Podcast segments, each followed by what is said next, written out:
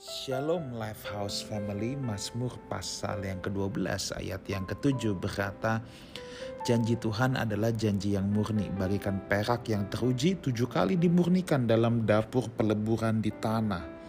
Saudaraku yang terkasih Pernahkah kita berjanji? Orang yang nuraninya masih lempeng ketika dia berjanji Pasti dia berusaha ingin menepatinya hanya orang yang bengkok yang ketika berjanji kemudian uh, berniat untuk tidak menepatinya. Orang yang tulus, orang yang baik pasti ketika berjanji dia akan sepenuh hati, sekuat tenaga ingin menepatinya atau menggenapinya. Namun demikian yang namanya manusia, saudara, sangat dimungkinkan, sangat bisa saja untuk gagal menepati janji. Bukan karena disengaja saudara ya.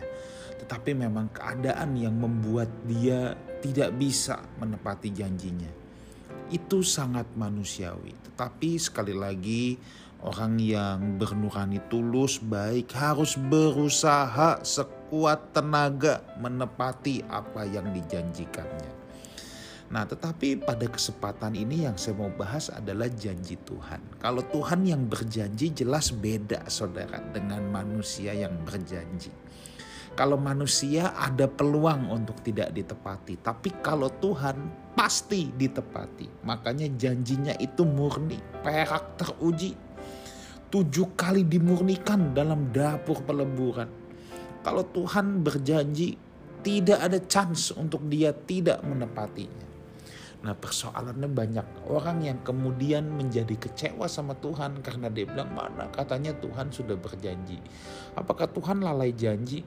Oh tidak, bukan Tuhan lalai janji. Tetapi ada beberapa kemungkinan yang menyebabkan orang berkata mana Tuhan kok nggak menepati janji. Kemungkinan yang pertama saudara ya, dia membuat janji yang dibuat-buat sendiri saudara. Contoh janji yang dibuat-buat sendiri itu begini. Ya, kalau kasih kolektor. Nanti Tuhan kembalikan 30, 60, 100 kali lipat ganda. Ini kan udah mau coba dagang sama Tuhan dan Tuhan gak pernah janji kayak begitu kok. Kenapa jadi mikirnya begitu? Itu kan ayat yang diperkosa. Atau kekayaan bangsa-bangsa akan diberikan. Lalu dia tungguin mana kekayaan bangsa-bangsa kok tidak datang ya ke pundi-pundiku ya. Ini Tuhan gak tepat janji loh. Itu kan bukan janji buat buat Anda gitu loh. Ya, itu kan untuk Israel pada pada zaman dahulu. Nah inilah penyebabnya banyak orang yang membuat janji sendiri saudara ya.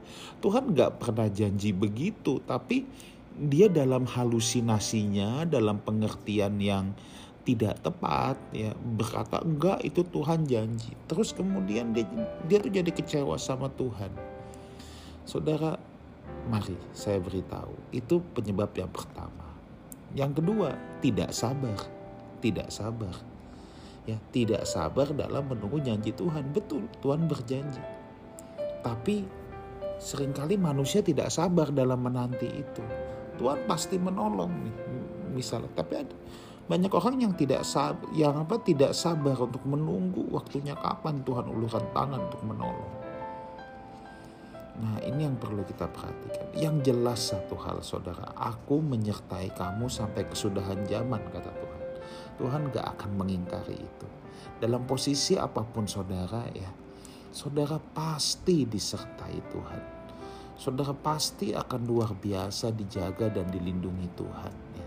Kalaupun kita sedang mengalami peristiwa-peristiwa yang tidak enak dalam hidup kita, itu bukan berarti Tuhan tidak menyertai kita bukan berarti Tuhan lalai akan janjinya.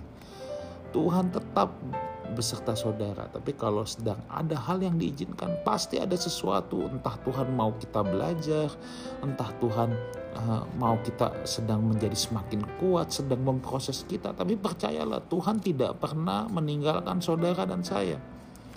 Bahkan satu lembar rambut kita pun tidak akan jatuh tanpa seizin Tuhan. Lifehouse Family berpeganglah pada janji Tuhan. Janjinya janji yang benar. Makanya harus belajar terus firman Tuhan, baca Alkitab supaya kita punya kekuatan, kesabaran menanti janji Tuhan, ya. seperti dia akan datang kembali, aku menyertai kamu sampai kesudahan zaman dan dan lain sebagainya. Dan juga lewat pengertian akan firman Tuhan itu kita tidak membuat janji-janji Tuhan versi kita sendiri. Tuhan Yesus menyertai kita semua. Amin.